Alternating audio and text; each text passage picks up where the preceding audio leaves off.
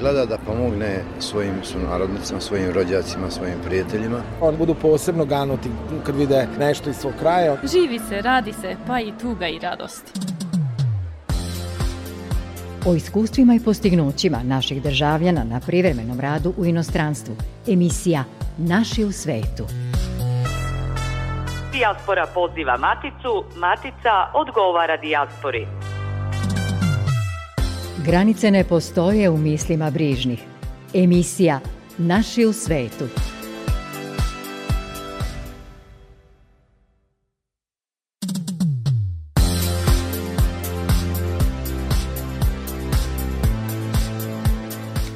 Dobroveče poštovani su narodnici širom sveta, pozdravljamo i slušaoce u Matici. U narednih 30 minuta o našoj zajednici u Norveškoj koju će nam predstaviti Goran Petrović, jedan od osnivača Srpskog društva Ivo Andrić u toj zemlji. Sa nama će biti i kolege iz emisije Večeras zajedno Radio Beograda 1 sa svojim zapisom iz dijaspore. Čućemo koje su teme jesenjeg broja srpskog magazina San u Kanadi. Sa vama su za tonskim pultom Daniel Slimak, a pred mikrofonom Goran Pavlović. Pavlović. Više od 40 pisaca iz dijaspore i regiona predstavilo je svoja dela na Beogradskom sajmu knjiga u organizaciji Uprave za saradnju s dijasporom i Srbima u regionu. Predstavile su se udruženja iz dijaspore i regiona sa svojim izdavačkim delatnostima.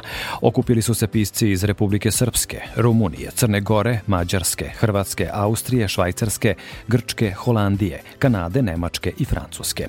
Predstavljeni su i brojni centri i savezi iz dijaspore. Bivši predsednik opštine Bačka Palanka i poslanik u Skupštini Vojvodine Aleksandar Đedovac imenovan je za novog direktora Fonda za izbegla raseljena lica i za saradnju sa Srbima u regionu. Njegov mandat trajeće četiri godine. Vežu nas događaj, misli, kultura i tradicija. Emisija Naši u svetu – Najčešći razlog za odlazak naših ljudi na rad u inostranstvo je, kako kažu, ekonomska nestabilnost i neizvesnost u Srbiji. Pretežno se odlazi u zemlje Evropske unije, Ameriku i Kanadu.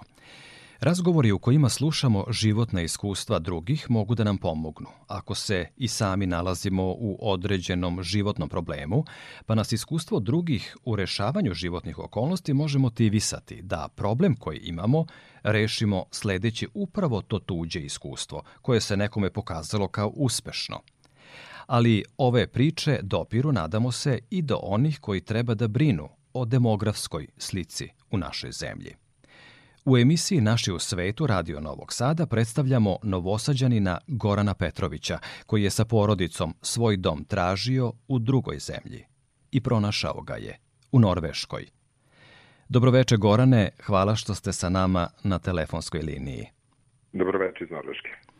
Voleli bismo naravno da jednog tako učenog i posvećenog čoveka kao što ste vi srećemo lično ovde u Novom Sadu, a naši slušaoci će tokom razgovora saznati više o vama i vašem postignuću. U Srbiji ste završili dva fakulteta. Radili ste, osnovali porodicu i potom otišli. Kada i zbog čega? Mi smo se opredelili za uh, Norvešku pre 13 godina.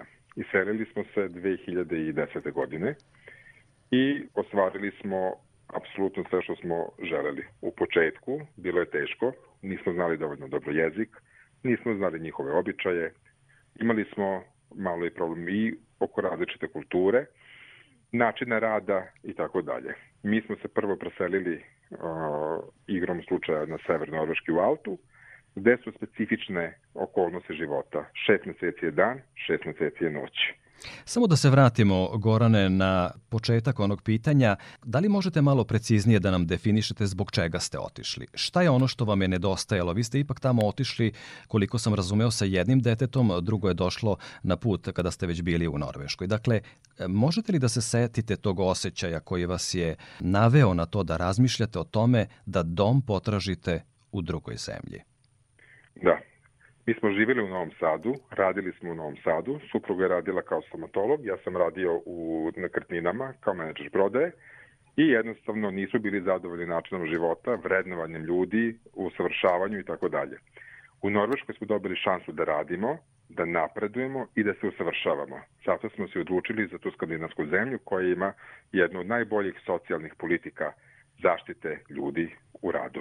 Vi ste, rekao sam na početku, završili dva fakulteta, koja? Jeste. Završio sam Ekonski fakultet u Novom Sadu i završio sam fakultet za menadžment u Novom Sadu također i ovde sam u, no, u Norveškoj bio na jednom programu usavršavanja u Privrednoj komori od godinu i po dana.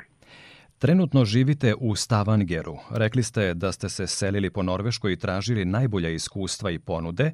Koje ste poslove obavljali u početku i da li je Norveška, za koju se zna da ima tu jaku socijalnu politiku, da li je dakle pomogla jednom strancu sa porodicom i kako? Šta su vam pružili, a šta za uzvrat očekivali? Što se Norveške tiče, ljudi rade različite stvari. U početku, zbog neznanja jezika, ja sam radio u jednom staračkom domu. Supruga je radila kao stomatološka sestra, a posle kad smo nostrifikovali naša dokumenta, kad smo regulisali naš vizni status i kad smo sve odradirali vezi jezika, ja sam počeo da radim u Stavangeru u Centru za naseljavanje i integraciju izbeglica i stranaca, a supruga radi kao stomatolog. Što se Norveške tiče, Norveška je nama pružila samo šansu da radimo ništa više. Ostalo smo se mi sve sami borili, laktali kako smo znali i umeli. Kada kažemo da za uzvrat nešto i očekuju, sigurno da to jeste činjenica. Jeste. Ljudi koji dolaze sa teritorije Republike Srbije i Republike Srpske, recimo, su veoma cenjena radna snaga na teritoriji Norveške, jer znaju da mi ne koristimo bolovanje, jako smo vredni, učinkoviti i puno radimo.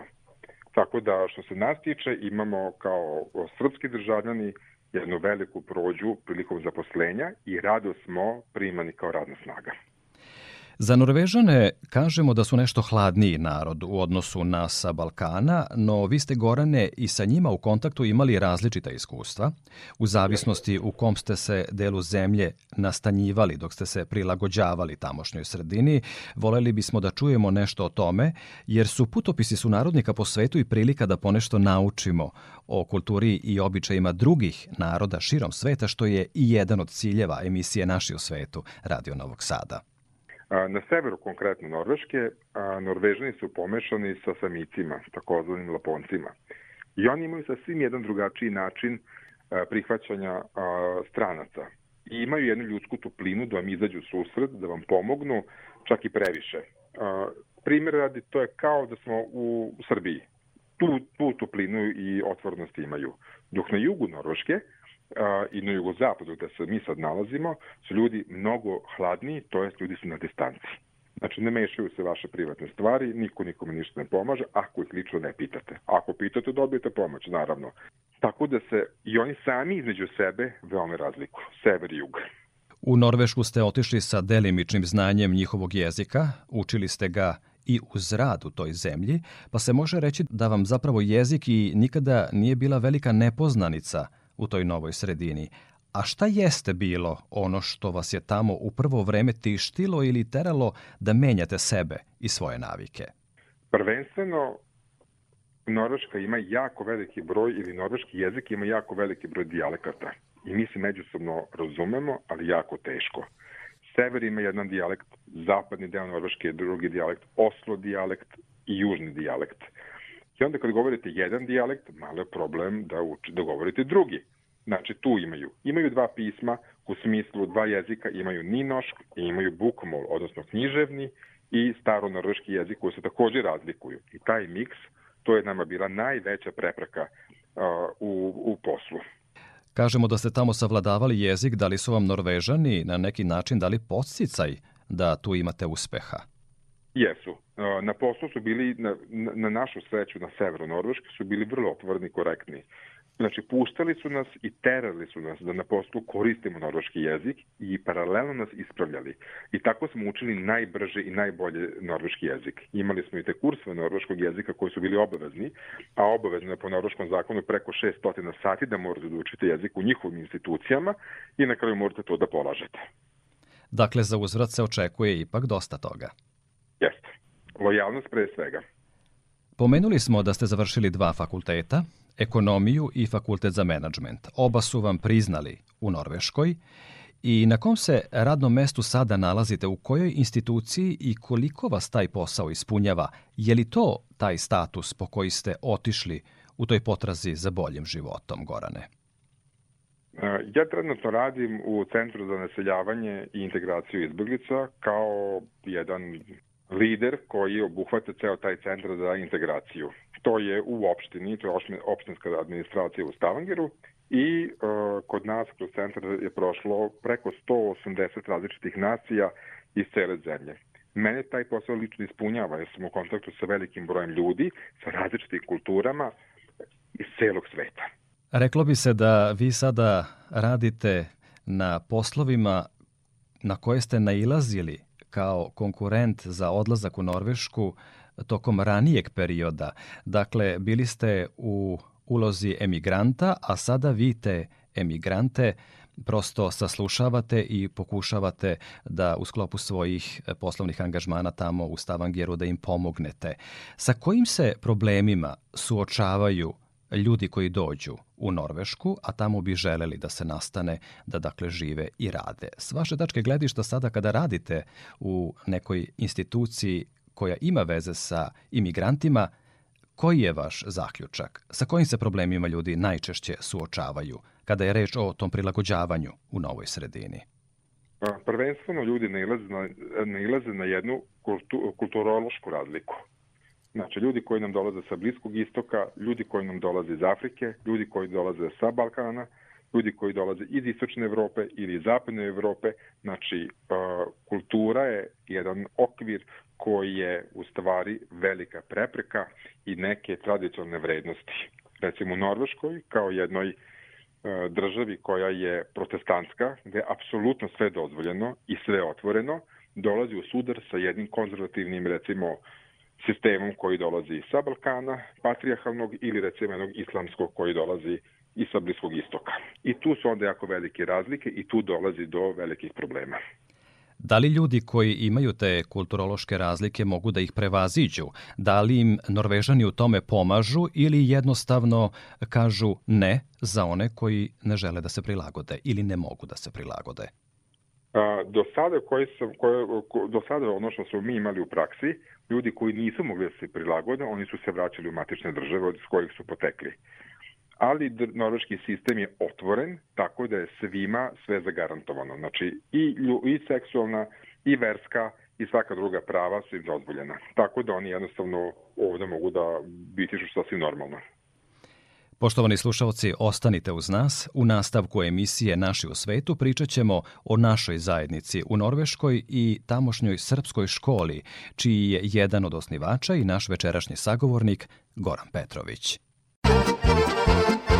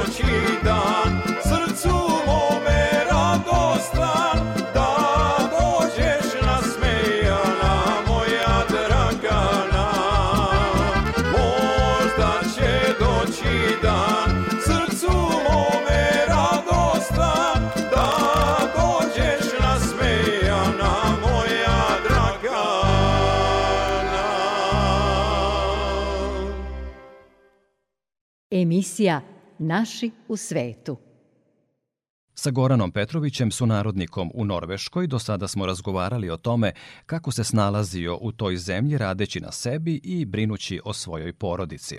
Čuli smo da su ih Norvežani dočekali uz dobrodošlicu, pričat ćemo i o tome kako se naša zajednica kotira u toj zemlji i u kojim profesijama smo najzastupljeniji. Ali ono što je posebno zanimljivo je škola srpskog jezika Ivo Andrić, koju je za tamošnju decu našeg porekla pokrenuo upravo su narodnik Goran Petrović. Kada se Gorane javila ideja o toj školi i kako ste je realizovali?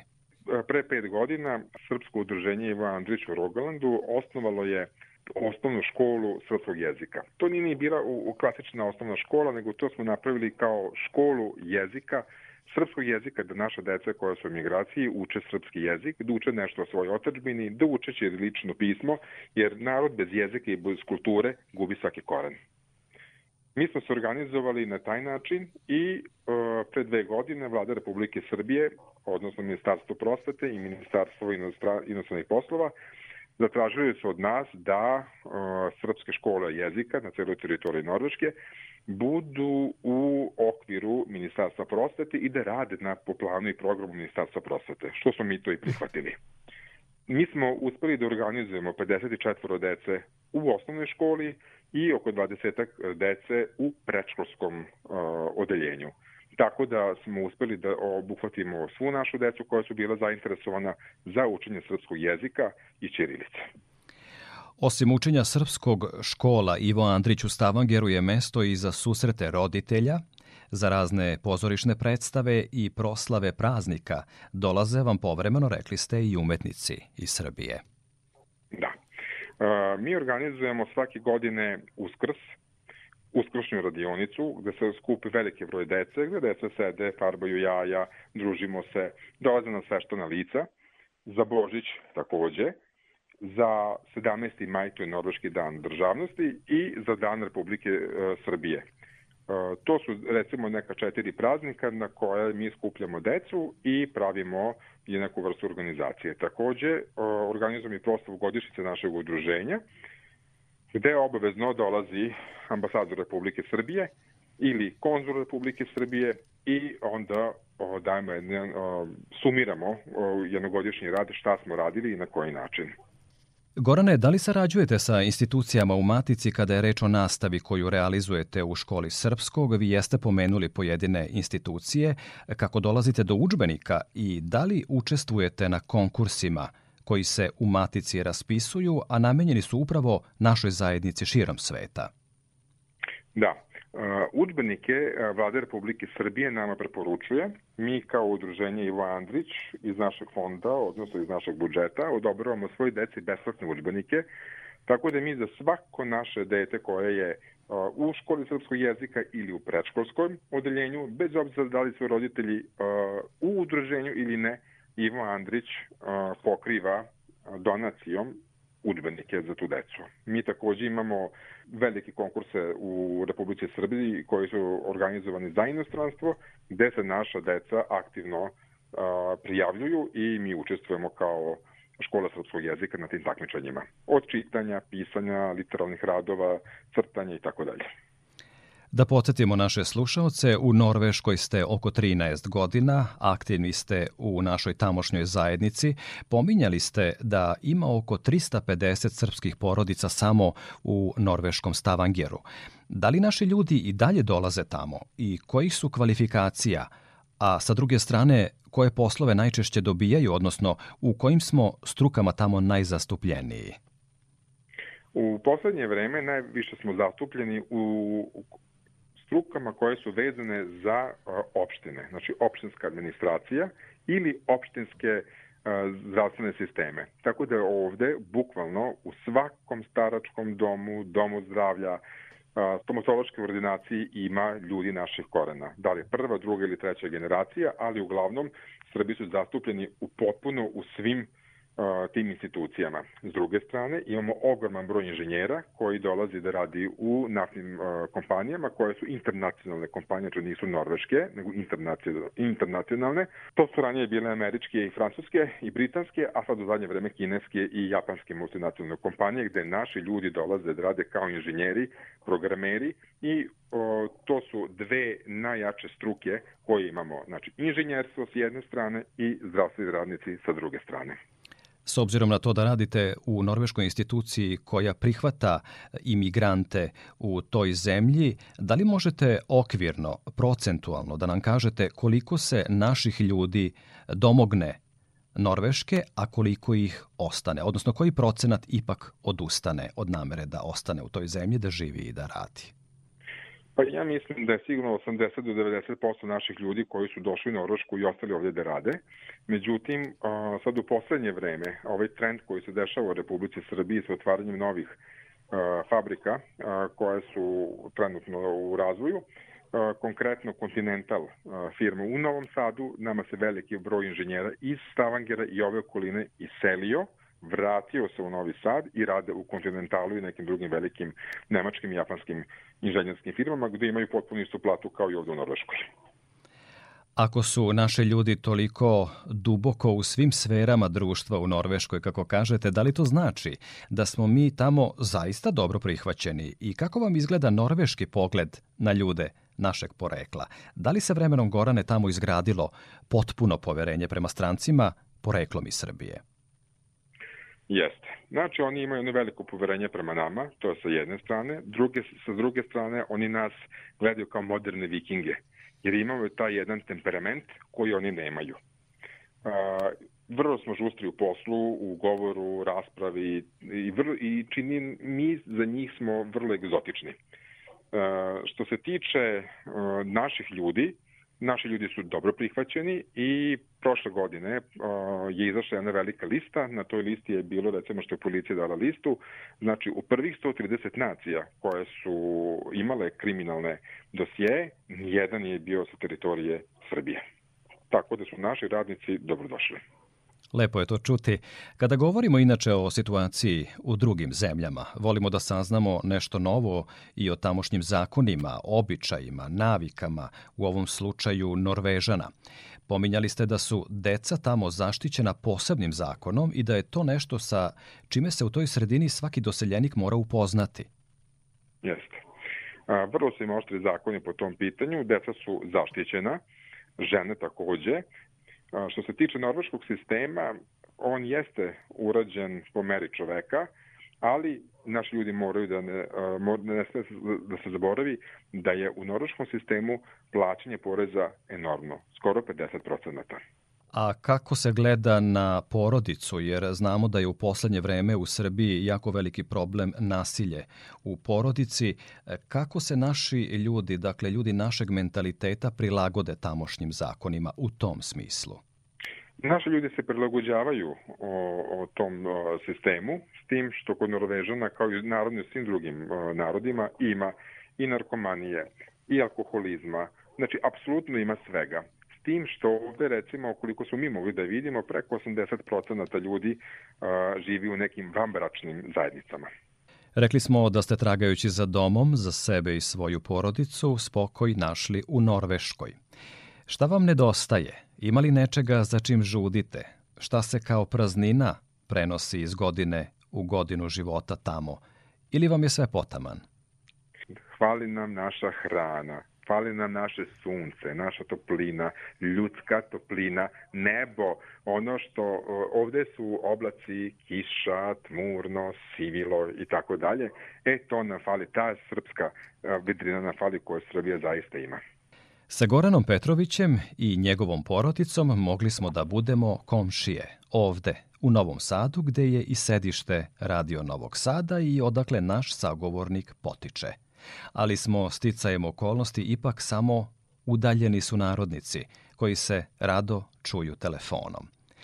U nadi da će se stvoriti bolji uslovi u Matici za što češći povratak naših državljana iz inostranstva i da ćemo uskoro opet biti komšije, želim vam još više uspeha i zahvaljujem Gorane što ste životnu priču svoje porodice u Norveškoj podelili sa slušaocima emisije Naši u svetu Radio Novog Sada. Hvala i vama na interesovanju. Sa nama je bio još jedan predstavnik naših u svetu, Goran Petrović. Putanja koja povezuje postoji, treba je samo utabati. Emisija Naši u svetu.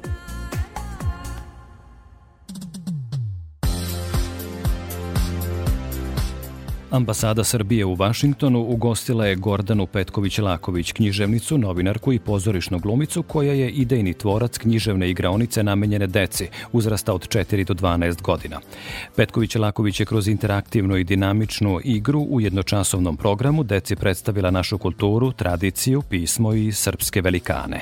Misija Petković-Laković je da do kraja godine poseti još 16 američkih gradova u kojima postoje organizovane srpske zajednice, a radi promocije svojih knjiga, poezije i proze za decu i odrasle. Koje su novosti u srpsko-kanadskom magazinu San? O tome je sa glavnom urednicom tog medija razgovarala Gordana Gligorić, urednica emisije Večeras zajedno Radio Beograda 1, sa kojim razmenjujemo priloge i zapise iz našeg rasejanja. Vodimo vas u Kanadu do redakcije srpsko-kanadskog magazina San – Iz štampe je izašao novi, jesenji broj magazina. Vesna Nedić je glavna urednica. Vesna, dobroveče iz Beograda. Dobar dan iz Toronta. Da, kod vas je dan. U jesenjem broju časopisa San puno je tekstova koji privlače pažnju. Meni je za oko zapao naslov Otkrivanje spomenika prvim srpskim doseljenicima u Kanadu. Gde je otkriven spomenik i kako izgleda? E, krajem jula ove godine je ovaj spomen otkriven u hramu svih srpskih svetitelja u Mississagi. E, to je mesto koje je u sam Toronto i ovaj spomenik je nešto najvažnije što se desilo osnih godina ovde u srpskoj zajednici. Pokrenut je i završen je ovaj projekt pod pokraviteljstvom našeg prethodnog konzula u Ontariju, gospodina Vasilija Petkovića i njegove supruge Dragane Petković. A spomenik je uradila naša priznata skulptorka Lili Otašević, Ljilja Otašević. Iz posljednjeg, odnosno najnovijeg broja, izdvojila bih još jedan tekst, odnosno najavu, intervju sa profesorom Colinom Campbellom. U podnaslovu piše da je veliki poštovalac srpskog naroda. Ko je profesor Campbell? Gospodin profesor Campbell je škotlanđanin, u stvari kanadžanin škotskog porekla, koji živi u Hamiltonu, gradu jednom koji je na putu za Nijagaru između Toronta, u kojem je jako veliki procenat srpskog stanovništva. I sticajem okolnosti gospodin Campbell je imao prilike da se upozna sa veoma velikim brojem Srba i srpskih učenika u školi u kojoj je radio.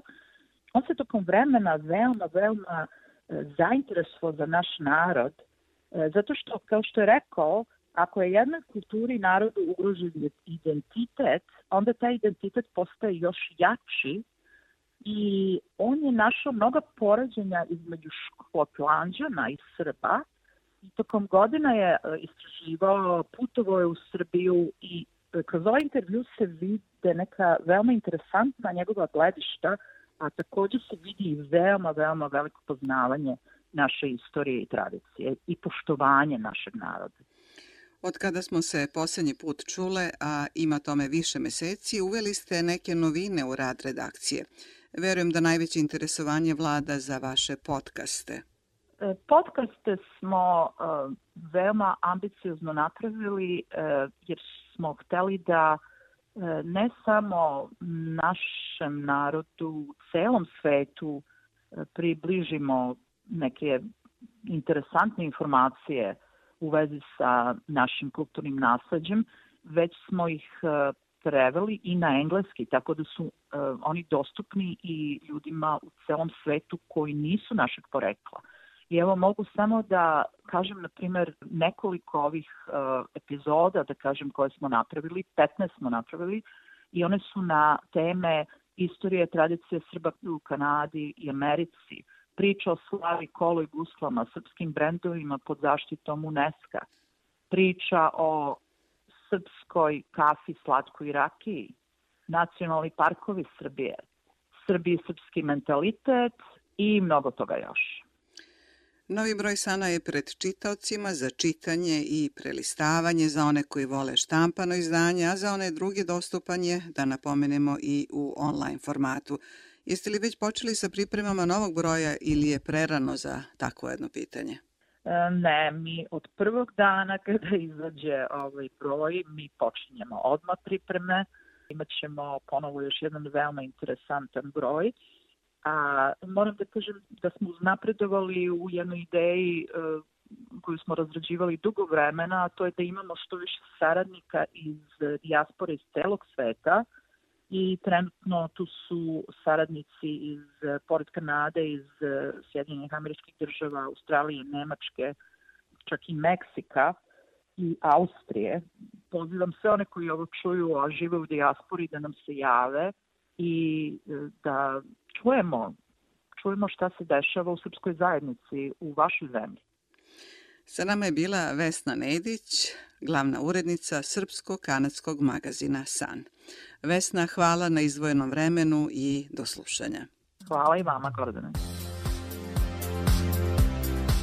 Poštovani slušalci, sa vama smo i narednog petka od 19.05. Sve informacije o emisiji potražite na Facebook stranici Naši u svetu RTV.